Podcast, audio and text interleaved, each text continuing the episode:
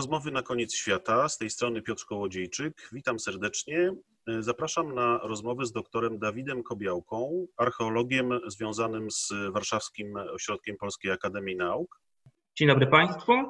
Spróbujemy z Dawidem porozmawiać o archeologii, ale w taki trochę mniej znany i mniej chyba popularny sposób. Czy właściwie spróbujemy pokazać trochę mniej znany, a ważny E, aspekt e, współczesnej archeologii, a mianowicie archeologię konfliktów, które wydarzyły się w XX wieku, archeologię związaną z wojnami, z poszukiwaniem grobów wojennych, z poszukiwaniem śladów walk, śladów bitew. Jak ta archeologia, Dawidzie, w Polsce e, wygląda? Czy jest to popularny dział archeologii, czy jest wielu badaczy, którzy tą archeologią taką już znacznie bliższą naszemu rozumieniu przeszłości się zajmują?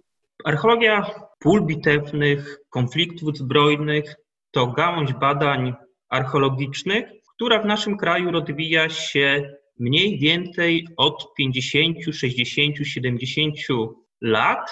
Na przestrzeni ostatnich dwóch dekad możemy obserwować znaczne poszerzenie, zainteresowanie samych archeologów właśnie problematyką szeroko rozumianego XX wieku i konfliktów zbrojnych, które wtedy miały, miały miejsce.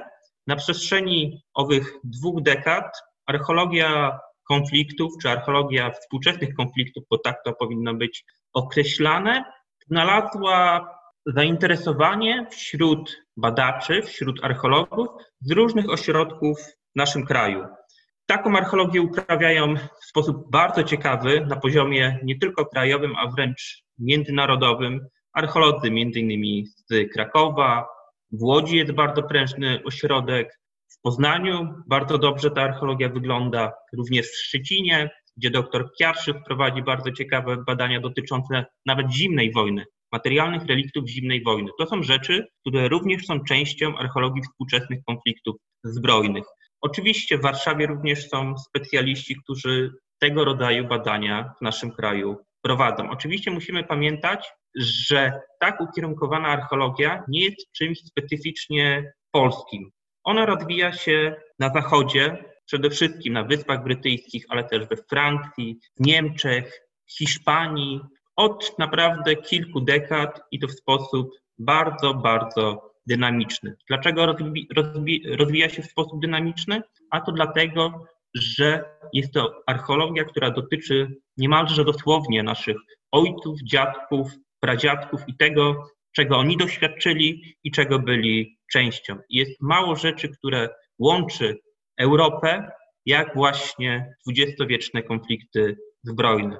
One z jednej strony nas podzieliły, ale z drugiej strony dziedzictwo tych wojen jest tym, co łączy, co interesuje archeologów, ale nie tylko, z różnych części Europy, a nawet świata.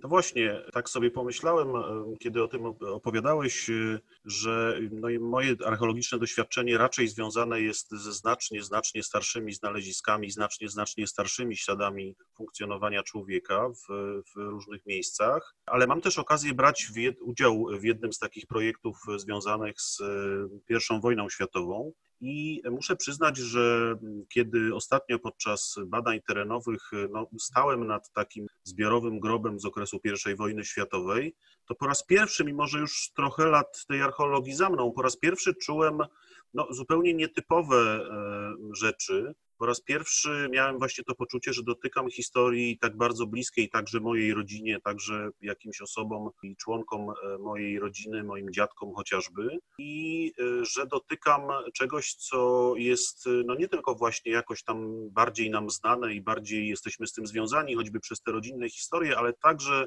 pokazuje nam tą historię najnowszą i daje nam pewną wiedzę co do funkcjonowania człowieka, co do, chociażby co do okropieństw wojny, właśnie taką bardzo bliską. Wiedzę, której no, nie dają nam odkrycia dotyczące starożytności, wojen, nie wiem, z czasów rzymskich, czy, czy nawet z czasów średniowiecza, tylko właśnie te dotyczące tych czasów e, najmłodszych. Czy, czy ta archeologia, tego typu badania, masz zapewne wiele swoich doświadczeń w tej kwestii, są inne niż, niż taka archeologia, no w cudzysłowie klasyczna, czy, czy, czy, czy tutaj jakaś specyfika właśnie tego typu badań występuje?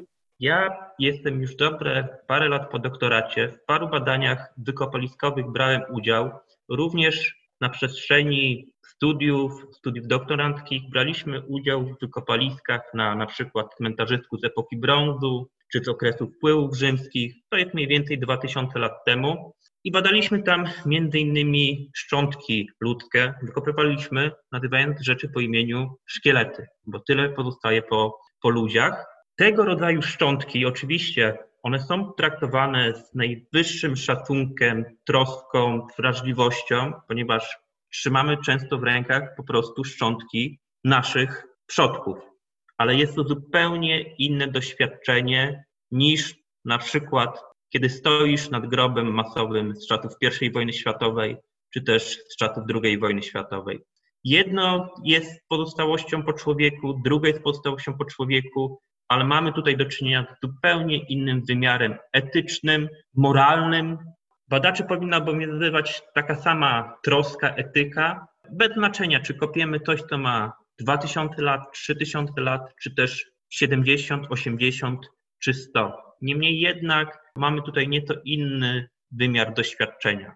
To właśnie przez to, że to jest tak bliskie, tak niedawne i przez to, że niemalże dosłownie kopiemy szczątki naszych rodziców, dziadków czy też pradziadków. No właśnie, tak. Dla mnie to było bardzo, bardzo nowe i bardzo zaskakujące takie doświadczenie spoglądania na te wydarzenia sprzed 100 lat, bo pierwsza wojna światowa właśnie w taki, w taki sposób. No to może spróbujmy e, scharakteryzować tą archeologię współczesnych konfliktów w Polsce, e, opowiadając trochę o tym, co tutaj się znajduje i co się bada. Jakie, jakie są te podstawowe pola zainteresowań badaczy zajmujących się tymi, tą problematyką na terenie Polski? Co archeolodzy współczesnych konfliktów zbrojnych badają w Polsce. Kiedy mówiłem o bardzo ciekawych badaniach, które są prowadzone przez archeologów w Krakowie, to właśnie między innymi miałem na myśli badania, w których Piotr bierze udział. Są to badania dotyczące I wojny światowej. To się bardzo ładnie na, nazywa karpackimi epizodami I wojny światowej. I w ramach tych badań archeolodzy poszukują grobów masowych, cmentarzy wojennych, badają relikty walk pierwszowojennych, które odbywały właśnie się w Karpatach. Bardzo ciekawe i bardzo ważne i nie, trochę niedocenione badania prowadzi dr Olgierd Ławrynowicz w Łodzi, które polegają na tym, że w lasach podłódzkich poszukuje śladów drugowojennych grobów masowych związanych z tak zwaną intelligent akcją, czyli akcją przeciwko inteligencji. I na czym rzecz polega? Jesienią 1939 roku kiedy Niemcy wkroczyli do Polski, w pierwszej kolejności byli wyłapywani przedstawiciele szeroko rozumianej inteligencji, czyli duchowni, nauczyciele akademiccy, ale też studenci i tak dalej, i tak dalej. I w 1939 roku byli wyłapywani, mordowani, a ślady zbrodni właśnie były tuszowane poprzez zakopywanie ciał w grobach masowych. I tutaj w przypadku tych lasów podłódzkich jest o tyle ciekawa sprawa, że dr Ławrynowicz Bada również e, proces tuszowania śladów w ramach tak zwanej akcji 1500. O to tutaj chodziło. Kiedy Niemcy wiedzieli już, że przegrywają wojnę, to zaczęli tuszować ślady popełnionych zbrodni. I właśnie te groby masowe z 1939 roku były ekshumowane, szczątki ludzkie, czyli te szkielety, które ciała, bo to były jeszcze ciała w rozkładzie, były palone, no i resztki były zakopywane. I tego rodzaju również procesy są badane przez archeologów. To, co Państwo muszą pamiętać, to archeologia w przypadku właśnie pierwszej wojny czy drugiej wojny nie jest tylko dopowiadaniem tego, co doskonale wiemy z źródeł, powiedziałbym, klasycznie historycznych, czyli wspomnień, oficjalnych dokumentów administracyjnych i tak dalej, i tak. Jest niezwykle szeroki zakres informacji, nazwijmy to historycznych, z czasów niedawnej przeszłości, czyli z i II wojny światowej, które nigdy nie zostały udokumentowane albo nie przetrwały do chwili obecnej. I na przykład tego rodzaju ślady, tuszowanie śladów zbrodni z 1939, ale też z 1943 czy 1944 roku, to są informacje, które możemy wydobyć, przeanalizować, zrekonstruować, przede wszystkim na podstawie badań archeologicznych. Oczywiście wszyscy z Państwa zakładam, że słyszeli o badaniach w Katyniu, które profesor Kola prowadził kilkanaście lat temu. od tego tak naprawdę się zaczęło. To były te badania, które pokazały po raz pierwszy na tak szeroką skalę, że to po prostu, nazywając rzeczy po imieniu, ma sens, że to nie jest po prostu dopowiada dopowiadanie historii, którą doskonale znamy. Bardzo ciekawe badania na przestrzeni ostatnich lat prowadziła profesor Anna Zalewska i to są badania dotyczące frontu wschodniego I wojny światowej między Radką a Bzurą, czyli między dwiema rzekami. I to, co pani profesor Zalewska zrobiła, ale też nadal robi, to są badania archeologiczne, ale oczywiście poparte studiami typowo historycznymi i tutaj bardzo ważne uzupełnienie kwestią ludzkiej pamięci, czyli jak te wydarzenia pierwszowojenne były utrwalane, przekazywane z pokolenia na pokolenie przez kolejne dekady, czyli wychodząc z perspektywy archeologicznej, czy stosując narzędzia, metody, które na co dzień archeolodzy wykorzystują w swojej pracy badawczej, te same narzędzia, te same metody, podobne pytania badawcze można postawić w kontekście właśnie reliktów pierwszowojennych czy też drugowojennych. Tak jak wspomniałem, niezwykle ciekawe badania, które obiły się szerokim echem nie tyle w kraju, co za granicą, na Wyspach Brytyjskich, ale też, też w Stanach Zjednoczonych, był projekt doktora Grzegorza Kiarszysa ze Szczecina i w ramach tych badań doktor Kiarszys analizował tajne schrony atomowe z czasów zimnej wojny, które zostały wybudowane w zachodniej Polsce właśnie w latach 60. Sprawa jest o tyle ciekawa, że gdyby wybuchła trzecia wojna światowa, to, to początek tej wojny byłby związany właśnie z tymi trzema bazami atomowymi. I znowu są to rzeczy, które ze względu na swoją tajność były w sposób bardzo ograniczony dokumentowane w materiałach właśnie administracyjnych. I tutaj znowu, wykorzystując narzędzia, metody badań archeologicznych, można dokonać rekonstrukcji, jak te bazy wyglądały, jaki miały przestrzenny rozkład, w których częściach dane praktyki czy działania militarne miały miejsce, to znaczy gdzie na przykład e, żołnierze wyrzucali śmieci, gdzie odbywały się patrole. Po wszystkich tego rodzaju banalnych, można powiedzieć, codziennych praktykach pozostają materialne ślady, które archeolodzy mogą spokojnie analizować. Na pewno część z Państwa jest z Krakowa i słyszała też o bardzo ważnych, bardzo dobrze zrobionych badaniach na terenie obozu koncentracyjnego w Płaszowie. Tak, to świeża to sprawa też. Dokładnie. Te badania były realizowane na przestrzeni trzech lat, między 2016 a 2019 roku. I znowu, z jednej strony wydawało się, że o Płaszowie, obozie wszystko wiadomo, że przetrwa, przetrwali przecież osadzeni, którzy zeznawali po wojnie. Było śledztwo po wojnie wszczęte. Przetrwało dosłownie wiele, wiele relacji, dokumentów, źródeł historycznych. Niemniej jednak archeolodzy pokazali, że to jest tylko część opowieści, że na podstawie kultury materialnej, czyli rzeczy osobistych ofiar, czy też rzeczy oprawców, można bardzo wiele kwestii wyartykułować, podkreślić, przeanalizować, a które to elementy, informacje są nieobecne w materiałach stricte historycznych. Innym przykładem współczesnej archeologii konfliktów zbrojnych są tegoroczne badania w Chojnickiej Dolinie Śmierci. Dolina Śmierci w Chojnicach na Pomorzu to jest miejsce, gdzie właśnie Niemcy jesienią 1939 roku także w ramach Intelligent Action mordowali właśnie miejscową inteligencję i my w ramach naszego projektu tegorocznego próbowaliśmy odnaleźć materialne ślady właśnie tych zbrodni. Przez to, że te zbrodnie miały masowy charakter, no to do chwili obecnej musiały przetrwać ślady w formie chociażby łusek, pocisków, rzeczy osobistych ofiar i tak dalej, i tak. I te rzeczy między innymi odnaleźliśmy. Na koniec wojny w Dolinie Śmierci została doprowadzona również kolumna jeńców, która została zamordowana, a ich szczątki spalone, także w celu zatuszowania śladów zbrodni. I właśnie taki grup masowy, czyli miejsce, gdzie te ofiary zostały zamordowane, a następnie spalone i podlane benzyną, udało nam się w tym roku odnaleźć. I to też rzecz jasna jest przykład współczesnej archeologii konfliktów zbrojnych. I tak jak już wspomnieliśmy, poprzez fakt, że to są historie, wydarzenia, procesy, które dotyczą tak bliskiej przeszłości, to czyni potencjalnie tego rodzaju badania archeologiczne badaniami ważnymi z nie tylko historycznego punktu widzenia, ale przede wszystkim społecznego. Archeologia jest nauką, która próbuje zre zrekonstruować przeszłość. Ta przeszłość może mieć 50 lat, 70, 80, ale też kilka tysięcy. Ale też archeologia jest formą działania społecznego, formą działania kulturowego.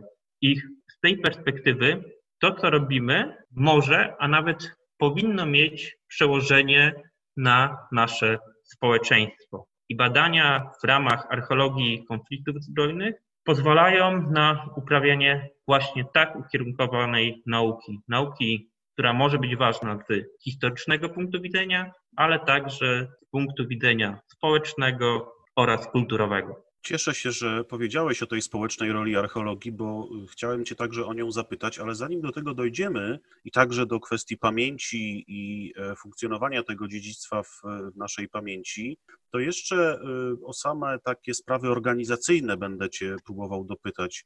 Czy w badaniach tego typu, na przykład w Twoich badaniach, biorą udział e, ludzie, którzy nie są archeologami, na przykład pasjonaci, członkowie jakichś grup, stowarzyszeń, grup rekonstrukcyjnych, którzy często tego typu rzeczami się interesują. Wiemy, że jest w Polsce liczne środowisko tak zwanych poszukiwaczy, ludzi, którzy zajmują się poszukiwaniem właśnie śladów tych współczesnych konfliktów. Czy, czy ty ich angażujesz w swoje działania, albo czy słyszałeś o tym, że oni w innych projektach e, biorą udział i, i jakąś rolę odgrywają? Poprzez fakt, że ta archeologia dwudziestowieczna czy współczesnych konfliktów zbrojnych dotyczy przede wszystkim wojen i ich materialnego dziedzictwa, to pozwala właśnie na angażowanie w prace terenowe osób, które posiadają doświadczenie oraz niezbędny sprzęt do pomocy w trakcie badań terenowych. To się nazywa profesjonalnie badania powierzchniowe przy pomocy wykrywaczy metali. I na czym takie badania polegają? To są po prostu poszukiwania artefaktów metalowych, które znajdują się na powierzchni Ziemi albo płytko pod nią. I właśnie legalnie działające stowarzyszenia pasjonatów historii, czy też detektorystów, czy też poszukiwaczy skarbów, jak oni czasem są określani, pozwala na współpracę. Jest to przestrzeń wspólnych działań, ale musimy rzecz jasna pamiętać, że archeologia współczesnych konfliktów zbrojnych to jest archeologia, która jest naznaczona przede wszystkim krwią, potem, łzami i śmiercią bardzo często zupełnie niewinnych osób. Tutaj musimy przestrzegać najwyższych standardów etycznych i moralnych. Ludzi, z którymi współpracujemy, musimy również szczególnie dokładnie dobierać. Również sami archeolodzy muszą bardzo dokładnie, skrupulatnie i też rzetelnie podchodzić do, do badań naukowych właśnie w kontekście wojen i ich materialnego dziedzictwa, ponieważ są to miejsca, tak jak wspomniałem, naznaczone ludzką śmiercią i cierpieniem. My na przykład w Dolinie Śmierci współpracujemy z kilkoma takimi grupami. Jednej strony jest to grupa rekonstrukcji historycznej ziemi krajeńskiej, a z drugiej stowarzyszenie ILFING. To są ludzie, których ja znam osobiście od wielu lat, do których mam pełne zaufanie, że wszystko to znajdziemy, zostanie przekazane docelowo mojej osobie.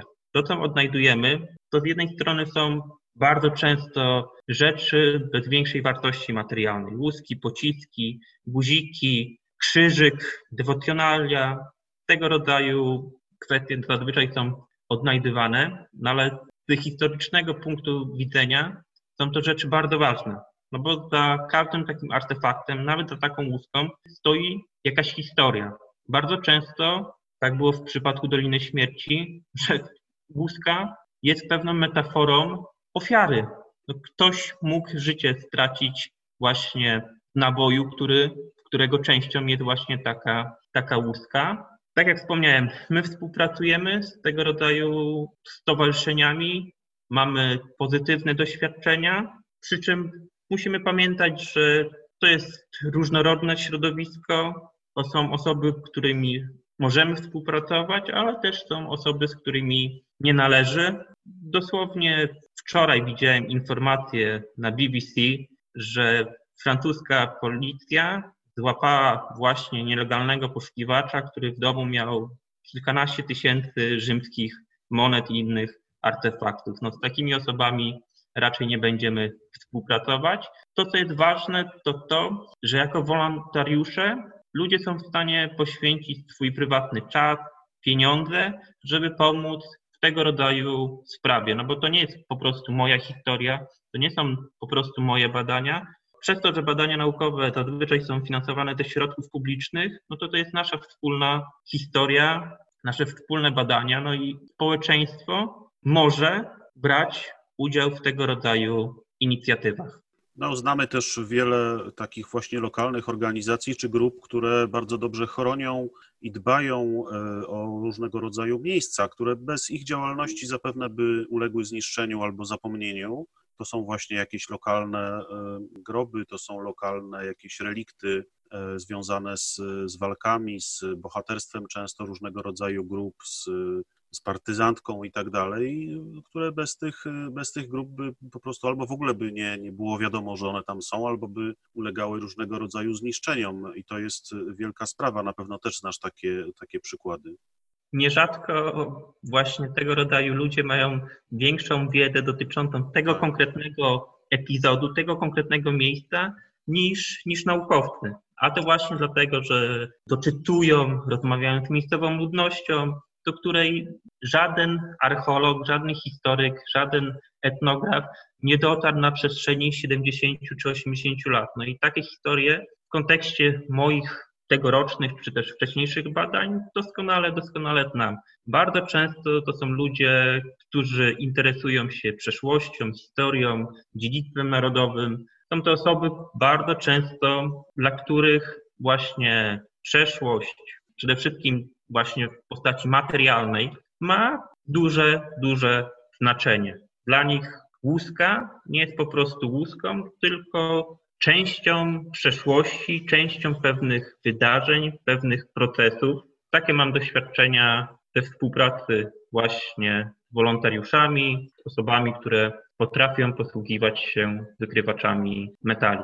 A co się dzieje z tymi przedmiotami, które e, no na przykład ty podczas swoich badań, czy ty i twoja ekipa e, odnajdujecie? No ja mam takie doświadczenie, że był to dla nas, e, jeśli chodzi o te pierwszowojenne groby, czy pierwszowojenne relikty, był to dla nas swego rodzaju dylemat, bo z jednej strony no część tych przedmiotów mogłaby spokojnie gdzieś na jakieś ekspozycje trafić, albo nawet do celów takich edukacyjnych, czy dydaktycznych nawet na uczelni służyć, ale z drugiej strony część tych przedmiotów to były bez wątpienia przedmioty osobiste, no choćby takie jak dewocjonalia, o których wspomniałeś, czy jakieś właśnie przedmioty osobiste bardziej, typu, nie wiem, części garderoby, takiego osobistego wyposażenia, no na przykład przybory do golenia, które znajdowaliśmy przy, przy żołnierzach. No i zastanawialiśmy się, czy one jednak nie powinny y, zostać z nimi w tych, w tych grobach, albo przynajmniej wrócić do nich po, jakiejś, po jakichś badaniach. Czy, czy tego typu dylematy i problemy mm, są również waszym udziałem, czy macie jakąś y, drogę którą te zabytki, te, te obiekty, te, te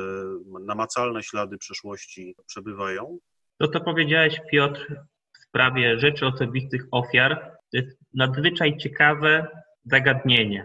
Właśnie, czy rzeczy ofiar, czyli coś, co było ich ostatnim towarzyszem, tak też nazwijmy sprawę, czy to nie powinno z nimi jednak pozostać na, na wieki? Oczywiście sytuacja jest złożona, i najprawdopodobniej każdy przypadek jest nieco inny. My w przypadku naszych tegorocznych badań przekazujemy całość pozyskanego materiału zabytkowego, czyli te łuski, guziki i tak dalej, i tak do Instytutu Pamięci Narodowej, ponieważ w tej konkretnej sprawie, którą my badaliśmy, zostało wszczęte oficjalne śledztwo, no i te artefakty są po prostu śladami zbrodni. Są, są miejsca... jak dowody w, w, śledztwie po prostu. Dokładnie. Dokładnie, dokładnie w zupełnie dosłownym znaczeniu te artefakty, to dziedzictwo przeszłości drugowojennej jest zarazem dowodem konkretnej, konkretnej zbrodni i tak w tym przypadku zostało to, to potraktowane. Bardzo często problem polega na tym, że wydobywa się bardzo dużo artefaktów. Bardzo często są to przedmioty mocno zniszczone, które nie mają większej wartości historycznej czy kulturowej. No bo na przykład danych bagnetów po wszystkich muzeach w Tak. kraju jest kilkadziesiąt czy kilkaset i każdy artefakt, to musimy też pamiętać, każde badania naukowe, badania archeologiczne powodują swego rodzaju dylematy i problemy. Bo jak coś wykopiemy, no to z tym coś musimy zrobić. Nie zawsze jednostki muzealne, konserwatorzy przychylnie patrzą na tego rodzaju badania, na tego rodzaju dziedzictwo niedawnej, niedawnej przeszłości. Ja mogę powiedzieć, że przede wszystkim działam na Pomorzu, na Pomorzu Gdańskim i tam współpraca z Urzędem Konserwatorskim przebiega bardzo pozytywnie. Urzędnicy dostrzegają rolę, znaczenie, wartość historyczną nawet łusek, pocisków czy innych rzeczy związanych z pierwszą czy drugą wojną światową. Jakby czas powstania, czy ktoś ma kilka tysięcy, czy też 100 lat, nie, nie zawsze musi odgrywać rolę. To jest śladem przeszłości i łuska, która ma 80 lat, też takim śladem przeszłości jest. Przy czym znowu musimy pamiętać, że dziedzictwo archeologiczne jest pewnym rodzajem podejmowania decyzji, waloryzowania tego. Jedna łuska może nie mieć większej wartości, ale łuska, która jest związana z danym miejscem zbrodni, no już niewątpliwie taką wartość naukową, historyczną, kulturową po prostu ma. Mówiłeś o tych problemach, czy mówiliśmy o tych problemach i dylematach, które wiążą się z, choćby z tymi przedmiotami, które odnajdujemy, no ale jeszcze są dylematy trochę innej natury, na przykład związane z grobami konkretnej walczącej strony. No, ja się spotkałem z takim dylematem badań czy poszukiwania w ogóle grobu niemieckich żołnierzy z okresu II wojny światowej, niemieckich dowódców na terenach Podkarpacia, gdzie wiadomo było ze źródeł, że zostali, zostały pochowane osoby nawet z dowództwa określonych oddziałów, z, z, pochodzące z Wehrmachtu, z SS. No i pojawiały się dylematy, czy w ogóle tych grobów szukać. No, ze względu oczywiście na, na rolę tych osób w, w tym, co się działo i, i powiedzmy ocenę ich działalności, mówiąc delikatnie.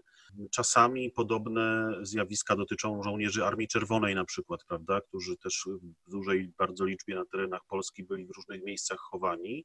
Co więcej, tego typu dylematy czasem dotyczą żołnierzy czy grobów żołnierzy armii zaborczych z okresu I wojny światowej, które to groby, które to miejsca pochówku też często są traktowane no, w taki sposób powiedziałbym, bez specjalnego szacunku czy zainteresowania, może lepiej znacznie niż groby, powiedzmy, niemieckie czy, czy sowieckie z okresu II wojny światowej czy po II wojnie światowej, ale też tutaj różne się pojawiają problemy. To się trochę wiąże zapewne właśnie z tym zjawiskiem pamięci i postrzegania pewnych wydarzeń z naszej przeszłości, które w XX wieku się rozgrywały i z tym, jak w poszczególnych miejscach poszczególne osoby oceniają te zjawiska, jakie też mają swoje osobiste, rodzinne chociażby doświadczenia na pewno i tak dalej.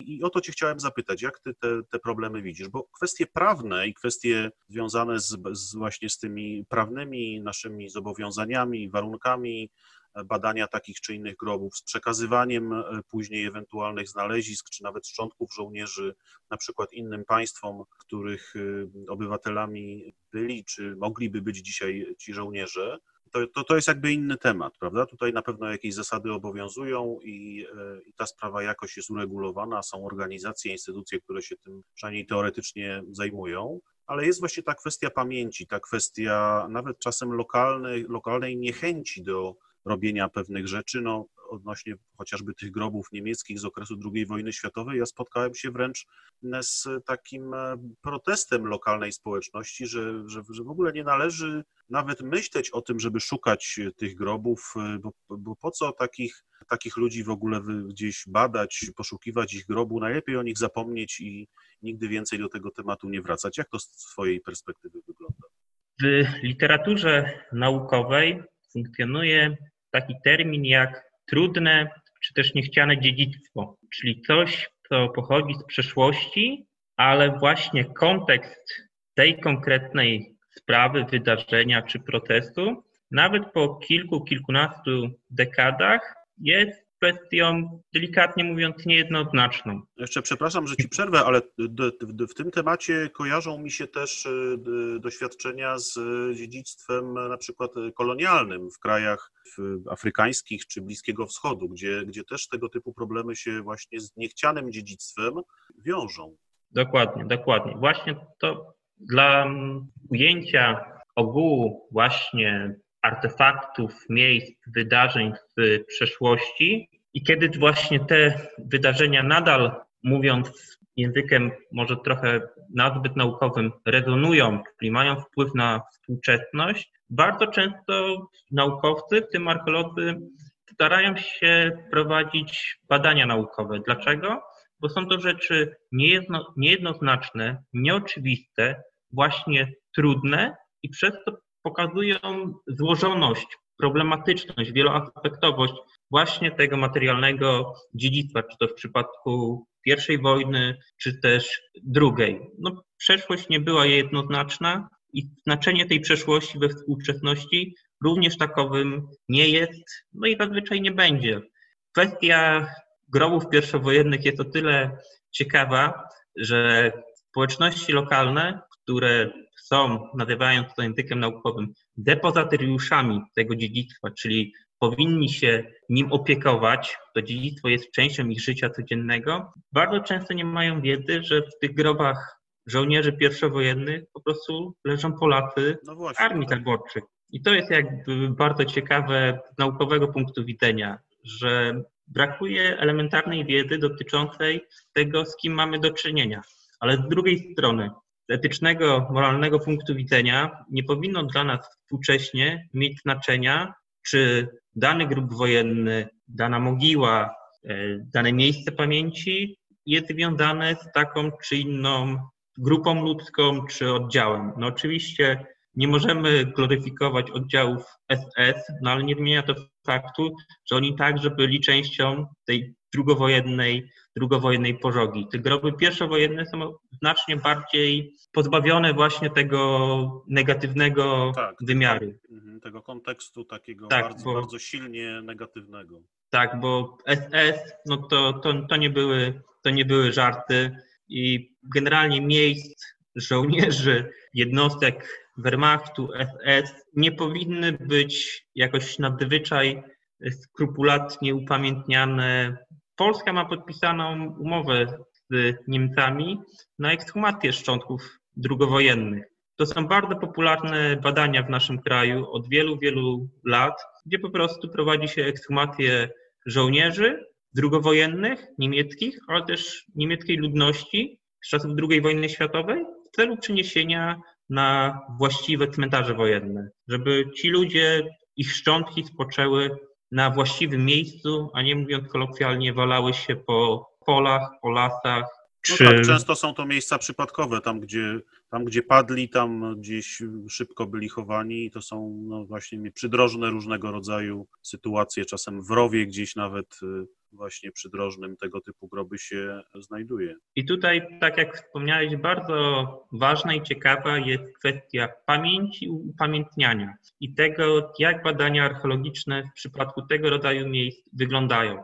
Bardzo często wyglądają tak, że mamy badania archeologiczne, ale ich integralną częścią są tak, tak zwane badania etnograficzne, które polegają na zazwyczaj rozmowie z lokalną ludnością. I właśnie w tego rodzaju badaniach odkrywamy, analizujemy, rejestrujemy właśnie drogi, jakimi lokalna społeczność upamiętniała, czy też odnosiła się do, do danego miejsca, ponieważ to lokalna społeczność, to dane miejsce pamięci, to są nieco inne, inne praktyki. Są pewne ogólne trendy, no ale kiedy zaczynamy się wgryzać już w szczegóły, w konkrety, w detale, to bardzo często wychodzą bardzo interesujące z naukowego punktu widzenia informacje, co jest podstawą właśnie do pokazywania złożoności świata, który nas otacza, bo na tym generalnie nauka polega, żeby pokazywać, że sprawy oczywiste, proste,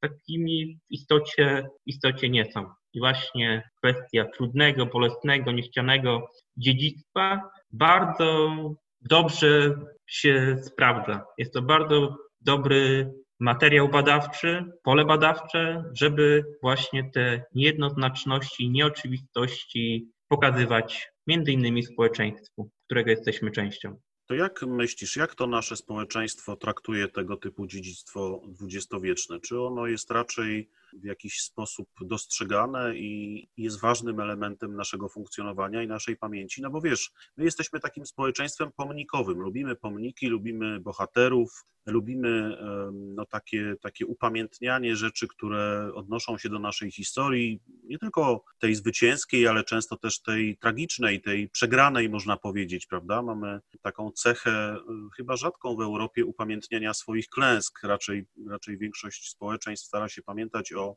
zwycięstwach, a my też upamiętniamy różnego rodzaju heroiczne zrywy, które często, albo heroiczne czyny, które często kończyły się źle, mówiąc krótko, albo dramatycznie, żeby nie powiedzieć katastrofalnie. Czy w związku z tym to dziedzictwo dwudziestowieczne funkcjonuje jakoś w naszej pamięci jako ważny element naszej tożsamości i jest w jakiś szczególny sposób doceniane przez, na przykład przez lokalne społeczności, które starają się o tym pamiętać, nie niszczyć, szanować w jakiś sposób? Masz tutaj na pewno sporo swoich doświadczeń. Jakbyś, jakbyś to zdefiniował czy opisał? Punktem wyjścia niech będzie pojęcie świadomości historycznej. Ile jako jednostki, jako społeczeństwo wiemy na temat w tym konkretnym przypadku XX wieku.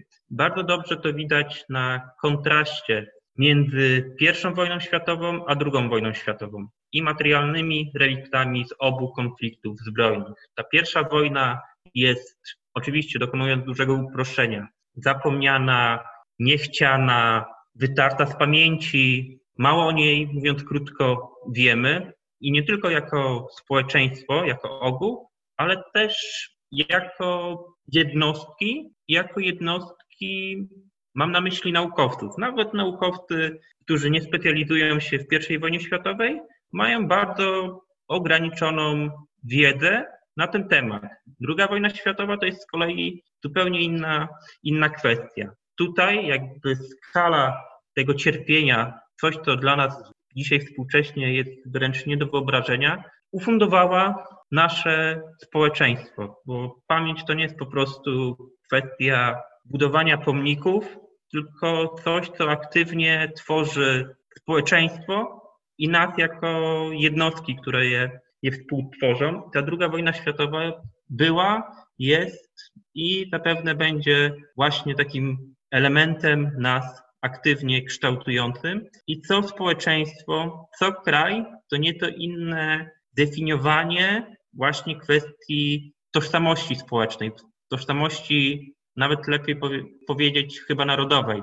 W zeszłym roku, jeszcze kiedy świat był w miarę normalny, byłem w Anglii na konferencji poświęconej właśnie I wojnie światowej. Wyspy Brytyjskie traktują, Anglia traktuje I wojnę światową w taki sam sposób, jak my traktujemy drugą wojnę światową. Tak, to jest, to jest, dla, nich, to jest dla nich często znacznie ważniejsze wydarzenie niż druga wojna światowa. A dlaczego? No bo w trakcie I wojny światowej zginęło w okopach przede wszystkim we Francji i w Belgii po prostu setki tysięcy bardzo często młodych ludzi. I te straty, to cierpienie, ten terror ufundował jakby późniejsze funkcjonowanie społeczeństwa i pamięci o tym, co się działo w czasie Wielkiej Wojny, właśnie w kontekście społeczeństwa brytyjskiego.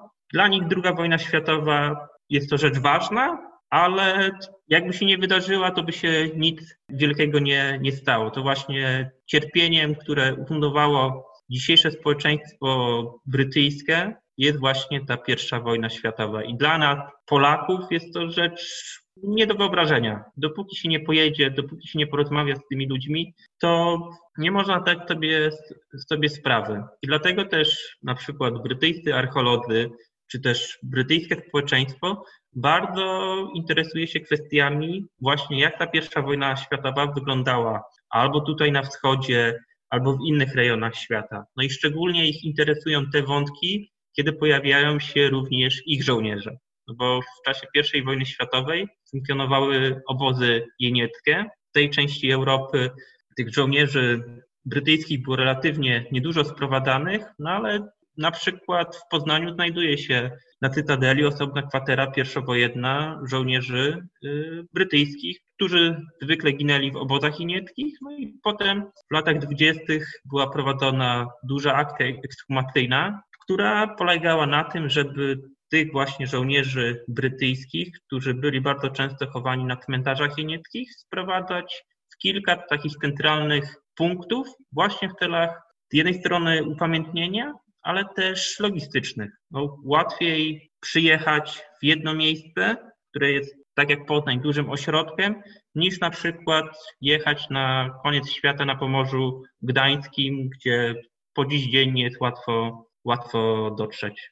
No właśnie, hasło obozy e, jenieckie, koncentracyjne raczej kojarzy się większości ludzi z II wojną światową, a ten temat, e, którym są obozy jenieckie z okresu I wojny światowej, to jest też dość szerokie pole badawcze i e, no jest też, są tutaj też pewne badania i osiągnięcia na, właśnie na terenie Polski, które miały miejsce w ostatnich chociażby latach. Trudno jakby nie dostrzegać tego sposobu patrzenia na I wojnę światową w Europie Zachodniej, na Wyspach Brytyjskich, jak się patrzy na to upamiętnienie w, w Francji, w Belgii, w, na Wyspach Brytyjskich, w Irlandii, w Nowej Zelandii, prawda?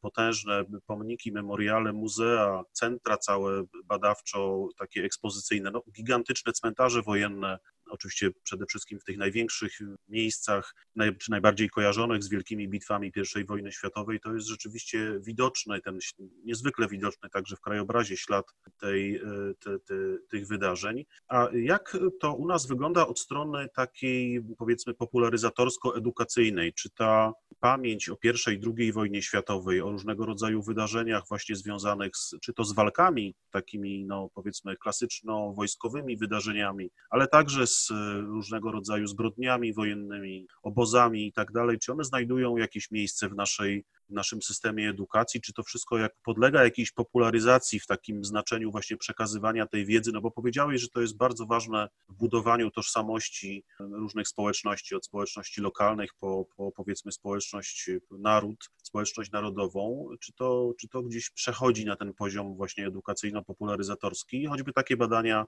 jak te, w których ty bierzesz y, udział, czy, czy je prowadzisz? Mogę powiedzieć tak, że w przypadku Doliny Śmierci, to, co się tam wydarzyło, historia i pamięć o ofiarach, są to kwestie, które interesują i młodych, i starszych, a kończąc na seniorach. Ale tutaj kluczowa uwaga, to jakby obowiązkiem naukowca, w tym przypadku archeologa, jest docieranie z wynikami swoich badań właśnie do społeczeństwa. Tak jak wspomniałem, Badania są finansowane ze środków publicznych, z pieniędzy Twoich, słuchaczy, częściowo moich i powinno to być traktowane jako dobro wspólne, jako dobro, nazwijmy to wręcz narodowe. Nauka jest dobrem nas wszystkich i dzielenie się wynikami badań to jest rzecz zupełnie elementarna i niezbędna. I tutaj kluczowa rola naukowca polega na tym, żeby być aktywnym na tym polu, Badania naukowe nie polegają tylko na właśnie prowadzeniu badań. Ich niezbędną, składową, rzeczą zupełnie elementarną jest popularyzacja tego, co się robi. I w ten sposób kreuje się zainteresowanie potencjalne danym tematem. Oczywiście są rzeczy, których ludzie będą bardziej zainteresowani albo mniej, ale też bardzo dużo zależy od tego, w jaki sposób tę wiedzę udostępniamy, czy to jest atrakcyjne dla dzisiejszego odbiorcy, czy też nie. Jakby właśnie medium, sposób doboru drogi, którą chcemy pokazać nasze badania, to jest rzecz zupełnie, zupełnie elementarna. Ale wiesz, interesuje mnie Twoje zdanie w, w właśnie związane z, w tych kwestiach związanych z edukacją, no bo na przykład widzimy często różnego rodzaju grupy rekonstrukcyjne, rekonstrukcje bitew, rekonstrukcje wydarzeń różnego typu historycznych. Czyli taką próbę, e, no z jednej strony właśnie zrekonstruowania czegoś, ale ja mam czasem wrażenie, że też trochę zabawy w wojnę, czy zabawy w, właśnie w, w, jakieś tam wydarzenia, które tak czy inaczej się jakiejś grupie kojarzą. są na przykład wspomnieniem jakiegoś zwycięstwa albo, albo bohaterskiego czynu. Czy uważasz, że tego typu działania są sensowne? To znaczy, czy one rzeczywiście uczą czegoś, przekazują jakieś ważne treści, czy, czy to jest na przykład Twoim zdaniem trochę no, takie spłycanie tych wydarzeń i pokazywanie, że to taka była troszeczkę zabawa? No a jak, jak wiesz doskonale i, wszyscy mam nadzieję wiemy, to wszystko są wydarzenia o niezwykle trudnym wymiarze i, i właśnie tak jak mówiłeś wielokrotnie, wiążące się z tragedią, śmiercią i cierpieniem bardzo wielu osób, prawda? Nawet zwycięska bitwa, którą, z której się cieszymy, że kiedyś nasi żołnierze ją wygrali, była okupiona przecież śmiercią i cierpieniem wielu osób. Y, właśnie czasem mam wrażenie, że, że tego typu próby mm, pokazywania tych wydarzeń y, no nie są właściwe, ale może to jest niesłuszne moje wrażenie. Co o tym myślisz? W zupełności z Tobą się, się zgadzam. Rekonstrukcje historyczne mają swoje pozytywne, jak i negatywne strony. I to, co wspomniałeś, że często sprowadza się to do zabawy w wojnę, nie jest to do końca adekwatne podejście. Po części jest to właśnie upraszczanie, spłycanie danego wydarzenia, danej osoby, danego procesu. Przede wszystkim wojna to była wojna, to była tragedia. Wojna to po prostu jest śmierć i dzisiaj z jednej strony fascynujemy się właśnie rekonstrukcją danego wydarzenia historycznego, ale mało kto tak naprawdę chciałby brać w tym już udział. No i Właśnie, naprawdę. Tak naprawdę, przykład... bez, nie, nie, z kapiszonami i, i Dokładnie. ślepakami w karabinie, tylko z, z, prawdziwej wojny. Dokładnie. Na przykład pod Chojnicami co roku odbywa się szarże pod krajantami. To jest bardzo duża inscenizacja związana z początkiem wojny pod Chojnicami. Jest to bardzo dobrze robione, jest dużo rekonstruktorów, bardzo dużo można zobaczyć, dowiedzieć się, jak właśnie początek wojny wyglądał. Jest to też wydarzenie turystyczne, które przyciąga właśnie wielu zainteresowanych tym konkretnym wydarzeniem i historią, którą właśnie rekonstruktorzy próbują odtworzyć, pokazać, dać możliwość doświadczenia na własnej skórze. No ale tak jak powiedzieliśmy, na dostanie na przykład z Mausera z prawdziwego, no, nie było przyjemnością i nikt z nas, ani ja, ani ty, ani zakładam żaden ze słuchaczy, no nie chciałby dostać w pierś właśnie z karabinu systemu Mauser, ponieważ po takim nieszczęśliwym wypadku już nie wracałeś do życia. To nie jest tak jak, jak w rekonstrukcji historycznej, że padłeś, powstań, tylko w czasie wojny, jak już padasz, to rzadko kiedy powstajesz. No i padasz już raz na zawsze. Czasem jak widzę tego typu rekonstrukcje, to mam ochotę tym rekonstruktorom, którzy się właśnie czasem tak wyglądają, jakby się bawili w wojnę, mam ochotę ich zaprosić do takiego angielskiego muzeum, w którym zebrano ślady e, czy, czy różnego rodzaju dokumentacje z leczenia i operacji wykonywanych na, na rannych żołnierzach. W okresie I wojny światowej narodziła się też chirurgia plastyczna i, i próby naprawiania, mówiąc brutalnie, y, uszkodzeń ciała spowodowanych przez różnego rodzaju odłamki, kule i tak. Wizyta w takim muzeum, obejrzenie dokumentacji z, właśnie z y, twarzy chociażby żołnierzy y, uszkodzonych przez różnego rodzaju, przez różne rodzaje broni, no jest wydarzeniem wstrząsającym i naprawdę odechciewa się dotykać broni po, po czymś takim, kiedy się widzi, jakie to straszne wywołuje efekty. No myśmy też mieli w tym roku właśnie podczas naszych badań w Karpatach takie groby, w które zawierały szczątki żołnierzy e, rozerwanych przez różnego rodzaju pociski, ewidentnie po prostu, no mówiąc brutalnie, pozbierane z pola bitwy różnego rodzaju fragmenty ciał wrzucone czasem do plecaków e, i popakowane w ten sposób do grobów, czy, czy po prostu wrzucone do, do dziury w ziemi. No i to jest e, doświadczenie wstrząsające. No, ja już w swoim archeologicznym życiu jak też mówiłeś o sobie, sporo szkieletów y, obejrzałem i brałem udział w y, odkrywaniu wielu grobów, ale tego rodzaju badania, tego rodzaju doświadczenia to jest coś zupełnie innego niż, niż właśnie te groby sprzed tysięcy lat. Y, I, no i to jest doświadczenie, które na pewno, można powiedzieć, zupełnie nową konstrukcję wprowadziło do mojego myślenia o archeologii, o przeszłości, o różnych sprawach, o wojnie także Więc to, to, to są rzeczy, myślę, że właśnie o takich rzeczach powinno się więcej często opowiadać. Mówię o, tej, o tym poziomie edukacyjnym, popularyzatorskim właśnie.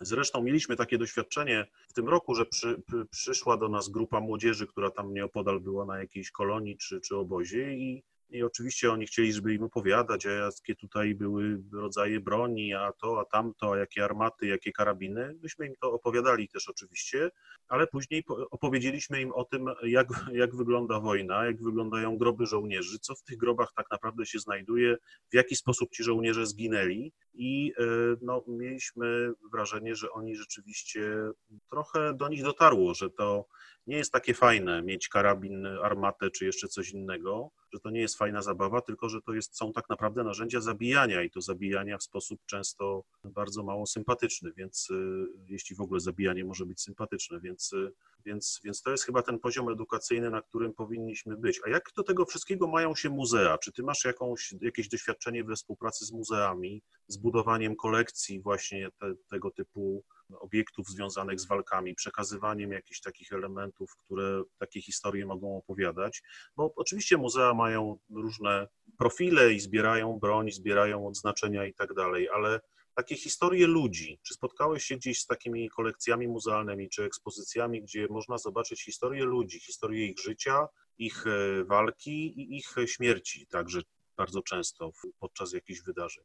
Pierwsze, co mi przychodzi do głowy, to muzea i miejsca pamięci związane z obozami koncentracyjnymi. To na pewno, tak.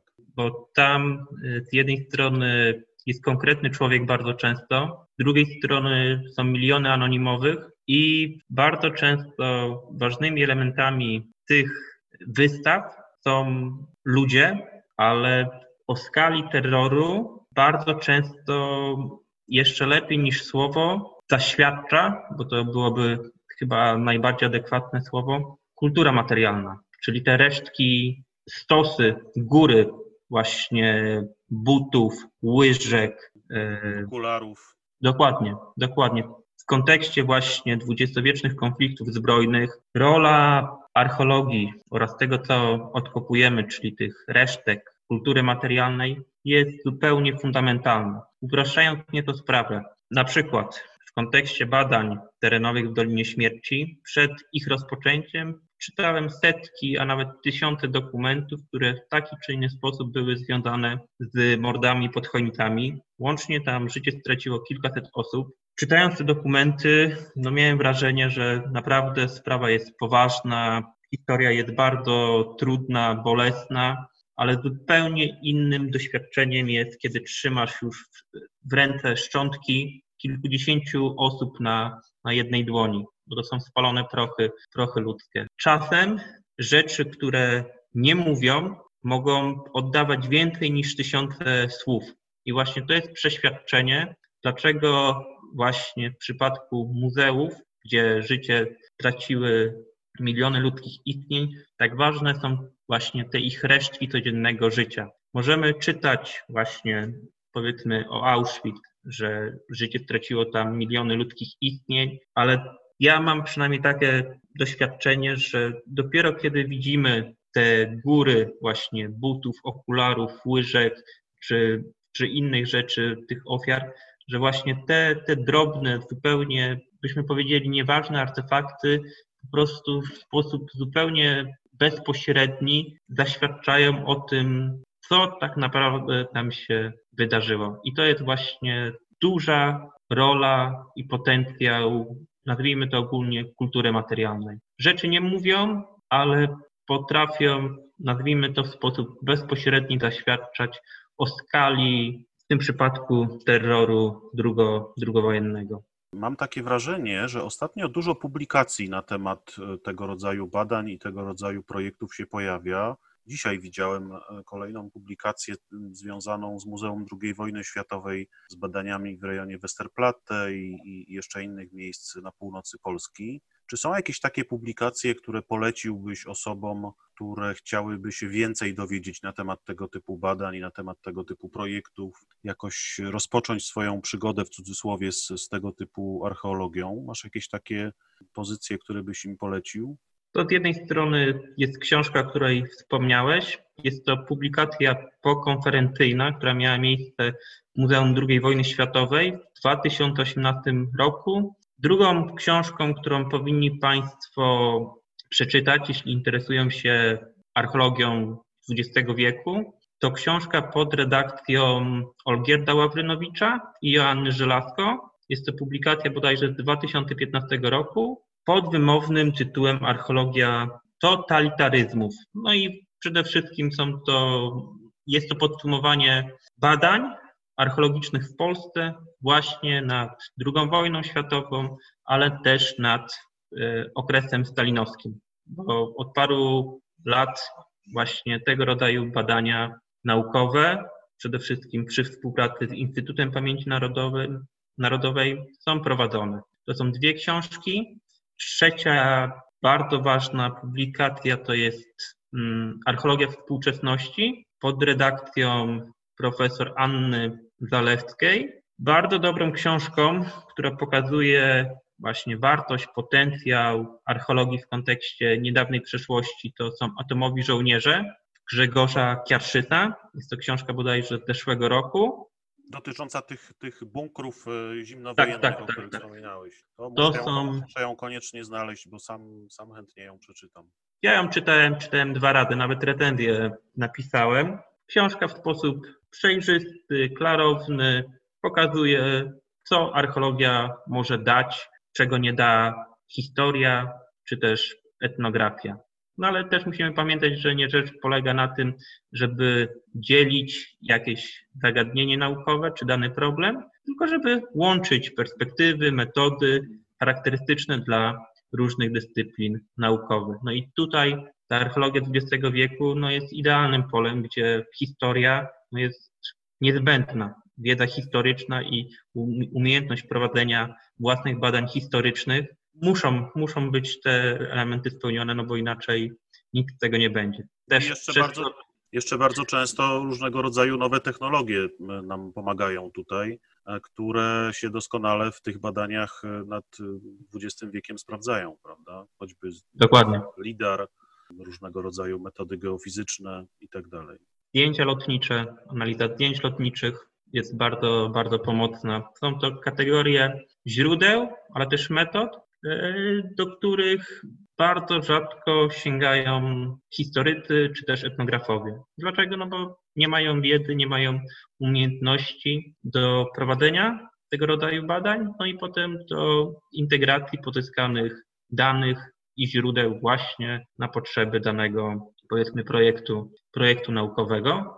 To są te trzy, w sumie cztery książki, ale też regularnie pojawiają się artykuły naukowe, które również spokojnie można, można w sieci znaleźć, ponieważ dzisiaj bardzo dużo publikacji jest w tak, zwa, tak zwanym wolnym dostępie. Kto chce, to na pewno coś o archeologii XX wieku w Polsce znajdzie. Tak jak wspomniałem na początku, archeologia XX wieku to nie jest coś, co się narodziło w Polsce. To jest bardzo ważna gałąź badań archeologicznych w Europie Zachodniej, na Wyspach Brytyjskich, w Skandynawii, ale też w Stanach Zjednoczonych czy w Ameryce Południowej, w wielu, wielu rejonach świata ta archeologia zyskuje na znaczeniu. Dlaczego? A to dlatego, że coraz więcej ludzi dostrzega wartość naukową, historyczną, ale też kulturową tych materialnych pozostałości z czasów II wojny światowej i tego, że, że archeologia posiada narzędzia, metody oraz powiedzmy ogólnie perspektywy, których nie posiadają inne dyscypliny naukowe. No i przez to, że sprawa dotyczy zwykle pierwszej czy też drugiej wojny światowej, rzekomo spraw doskonale znanych, to w rzeczywistości okazuje się, że jest bardzo często wręcz odwrotnie. O, oczywiście ogólne ramy są powszechnie rekonstruowane na podstawie właśnie materiałów stricte historycznych, ale kiedy przechodzimy już do konkretów, czyli na przykład, tak jak było to w kontekście Doliny Śmierci, wiadomym było, że na północnych obrzeżach Chojnic dochodziło do masowych mordów w czasie II wojny światowej i to było wiadomym właśnie z materiałów takich typowo historycznych, czyli na przykład zeznań świadków albo e, dokumentów, po, protokołów po, po mm, ekshumacyjnych, ale moje pierwsze pytanie jako archeologa było, gdzie dokładnie? Gdzie dokładnie na tych północnych obrzeżach Chojnic to się znajdowało? Nie gdzie w przybliżeniu, ale gdzie dokładnie? No i archeologia dysponuje narzędziami, perspektywami, które bardzo często pozwalają na odkrywanie, analizowanie, mapowanie tego rodzaju reliktów. I znowu, tutaj dochodzimy do, do tego zupełnie elementarnego poziomu badań archeologicznych, że archeologia pozwala na nie ogólne określenie, że gdzieś tutaj wydarzyło się coś, tylko w tym konkretnym miejscu. No i kiedy mówisz wolontariuszowi albo, albo harcerzom, którzy byli u nas, że na przykład teraz stoicie dosłownie nad rowem strzeleckim, który był wykorzystany albo mógł zostać wykorzystany jako grup masowy, to jest zupełnie inne, inne doświadczenie, zupełnie, zupełnie inny odbiór otaczającego krajobrazu. To nie jest już po prostu symboliczne miejsce, gdzie coś kiedyś się wydarzyło, tylko stoisz już dosłownie na historii. I to właśnie osobiste doświadczenie przeszłości, czy dziedzictwa przeszłości jest czymś, co przemawia, przemawia bardzo często do, do ludzi. Tak jak wspomniałem, rzeczy nie mówią, ale pozwalają bardzo często wyrazić więcej niż setki czy, czy tysiące słów. I ów kontakt z materialnością, z kulturą materialną, która jest śladem, świadectwem przeszłości, bardzo często właśnie no taki inny stosunek do, do otaczającego nas świata mm, pozwala kreować. Nawiązywałeś kilka razy do e, Twoich badań w rejonie Borów Tucholskich, w rejonie Chojnic. E, czy to jest Twój e, aktualny projekt i Twoje plany na najbliższe lata są związane właśnie z tym miejscem, czy, czy masz też jakieś inne pomysły, jakieś inne plany? No teraz jesteśmy w takim czasie trudnym, jeśli chodzi o różnego rodzaju działalność ze względu na ograniczenia pandemiczne, ale, y, ale i tak część badań w Polsce można było przynajmniej w sezonie, w ostatnim sezonie letnim prowadzić, w przeciwieństwie do badań zagranicznych na przykład, które właściwie były niemożliwe do przeprowadzenia. Czy, czy mógłbyś jeszcze parę słów o, o swoich planach właśnie na najbliższy rok, czy na najbliższe lata e, powiedzieć? Dlaczego, dlaczego tak Pomorze Gdańskie mnie interesuje? Ano dlatego, że się urodziłem w Chojnicach, w Chojnicach się wychowałem. Jako jeszcze licealista bardzo interesowałem się, jak wielu młodych ludzi, miejscową historią, tym, co się działo w Chojnicach, w okolicy.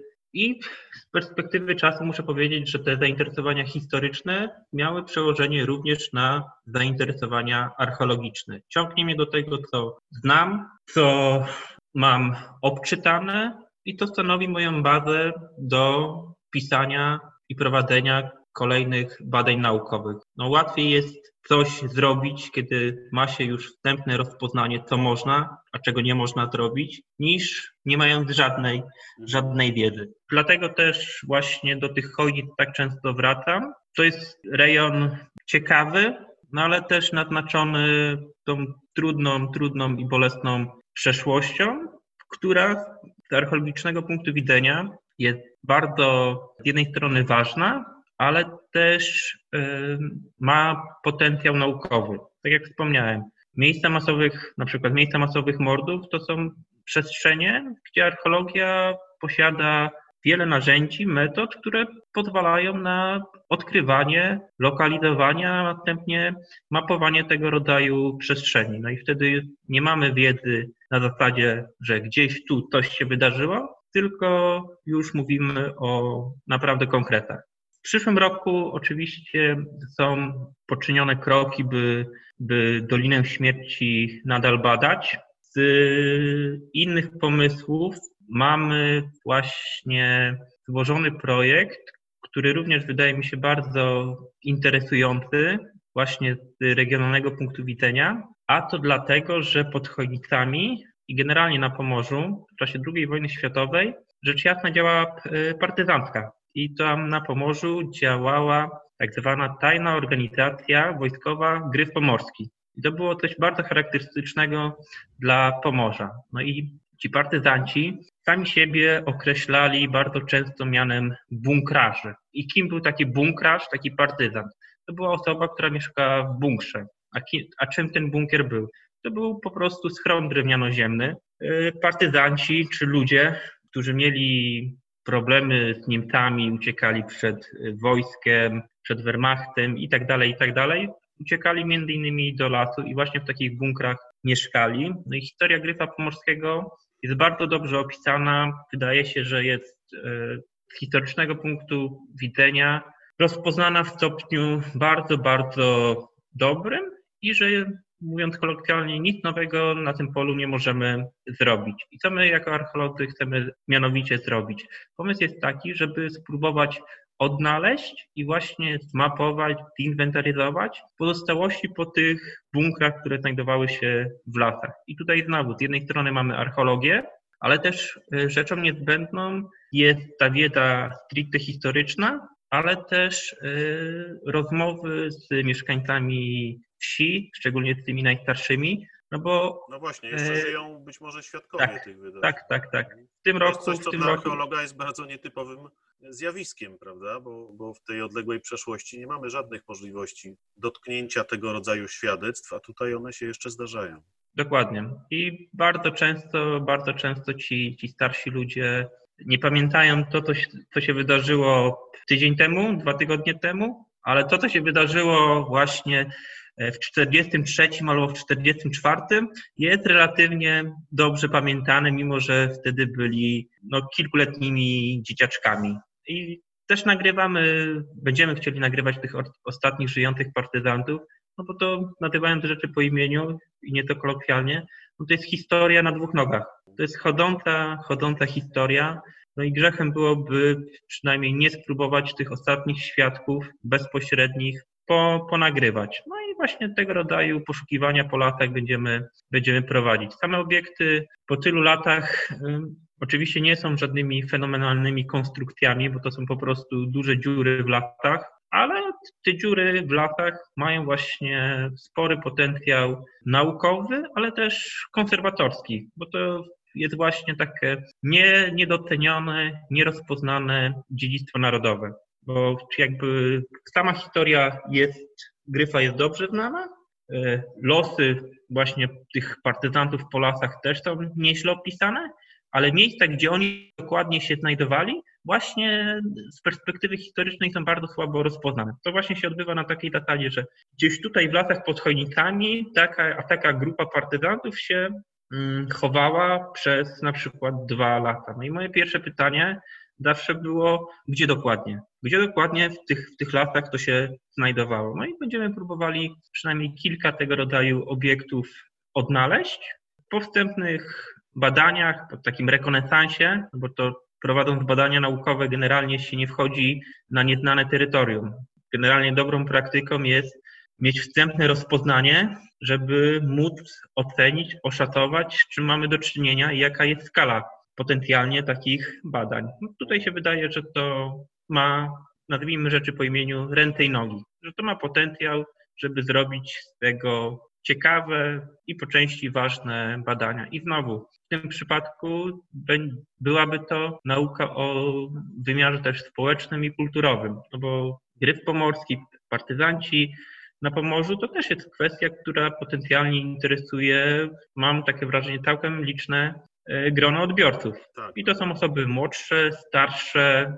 Liczę na to, że, że może uda nam się w przyszłym roku ten projekt zrealizować. No i też są poczynione kroki na kontynuację właśnie badania, poszukiwania materialnych śladów właśnie związanych z Intelligent Action na, na Pomorzu, bo większość z Państwa, jak zakładam, pochodzi z Krakowa, czy ogólnie z Małopolski. I sytuacja drugowojenna na Pomorzu nie wszystkim może być znana, i skala tego, co tam się działo właśnie jesienią 1939 roku. Czasem w literaturze naukowej można spotkać się z określeniem y, krwawa jesień 1939 roku.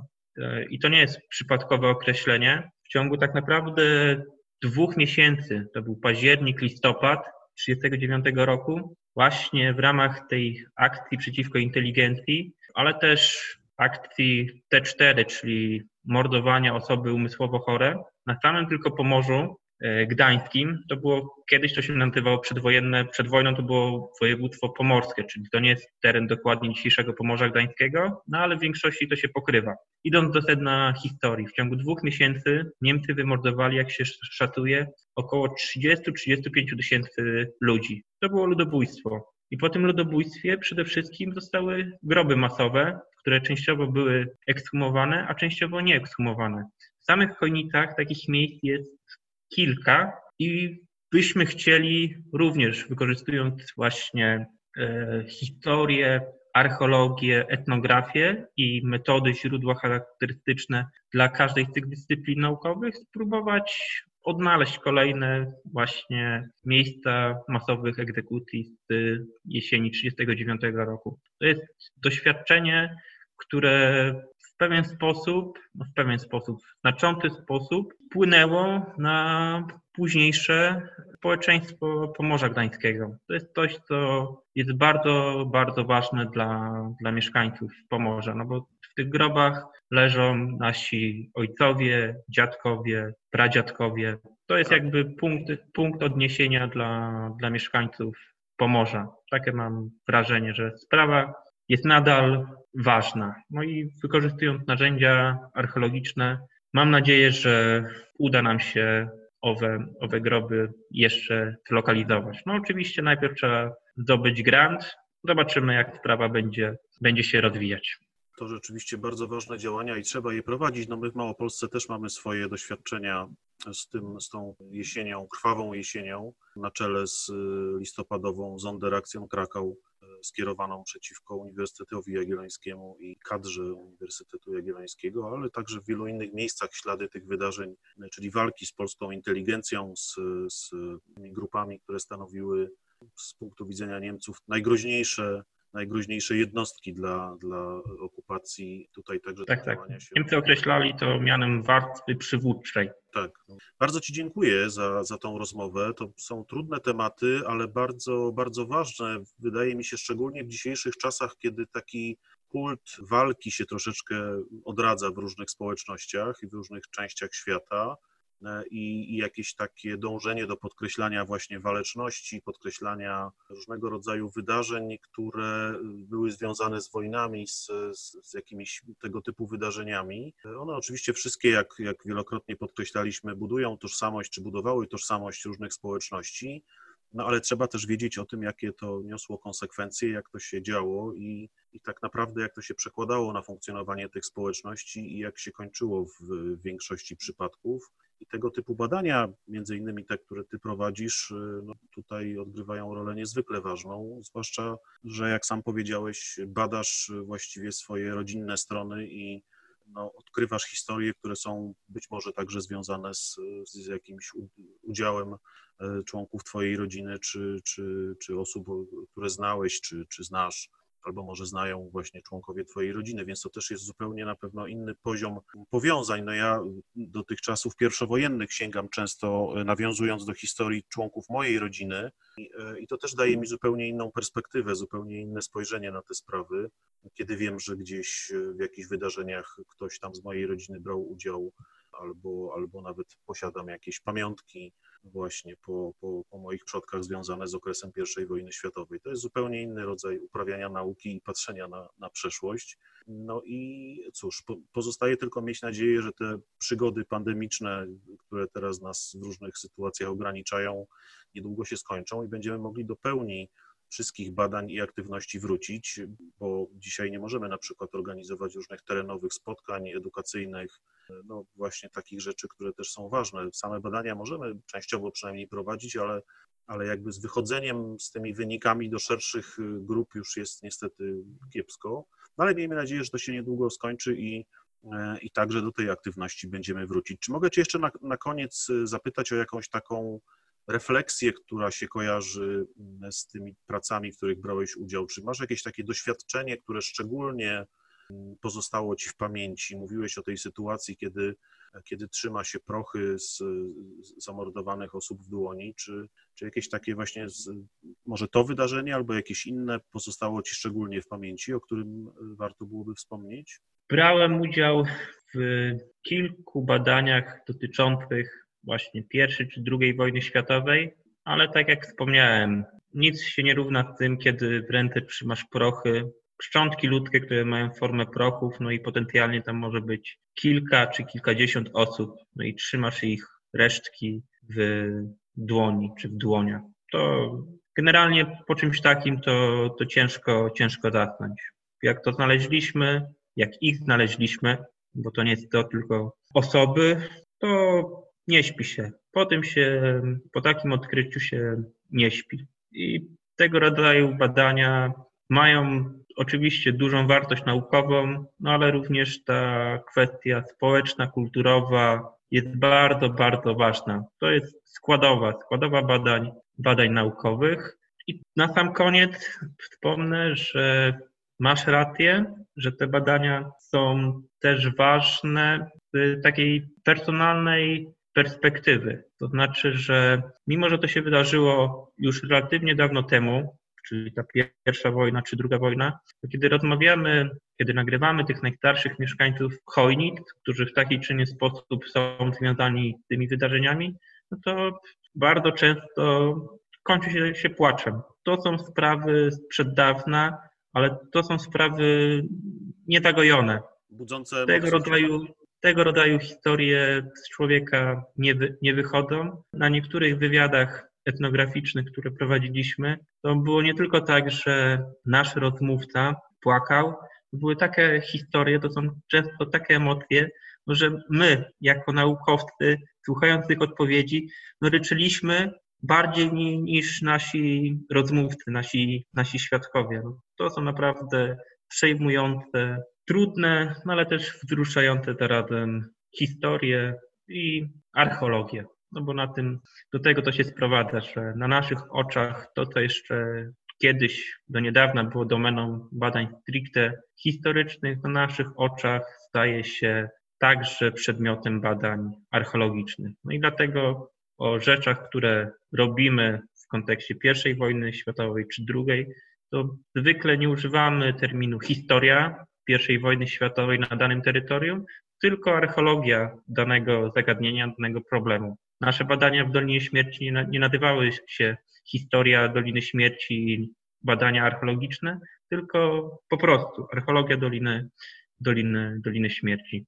Bardzo Ci dziękuję za tą opowieść, za, za czas, który nam poświęciłeś. Myślę, że wiele wątków, które poruszyliśmy i o których mówiłeś, można by spokojnie rozwinąć do kolejnych rozmów y, i na przykład do książek jakichś, które być może z Twoim udziałem albo y, dzięki Tobie powstaną y, za jakiś czas, bo myślę, że ciągle jeszcze tej literatury i tych różnego rodzaju elementów edukacyjnych i popularyzatorskich mogłoby być więcej. I, no i to jest nasze zadanie, prawda? Bo, bo to my tymi sprawami między innymi się zajmujemy i, i na to też musimy zwracać uwagę i, i starać się znaleźć czas i możliwości na to, żeby tego typu publikacje czy wydarzenia organizować. Jeszcze raz bardzo Ci dziękuję, no i do zobaczenia, do usłyszenia. Oczywiście życzę powodzenia w kolejnych projektach, w kolejnych działaniach. Dziękuję za poświęcony czas. Również życzę wszystkiego dobrego i dużo zdrowia.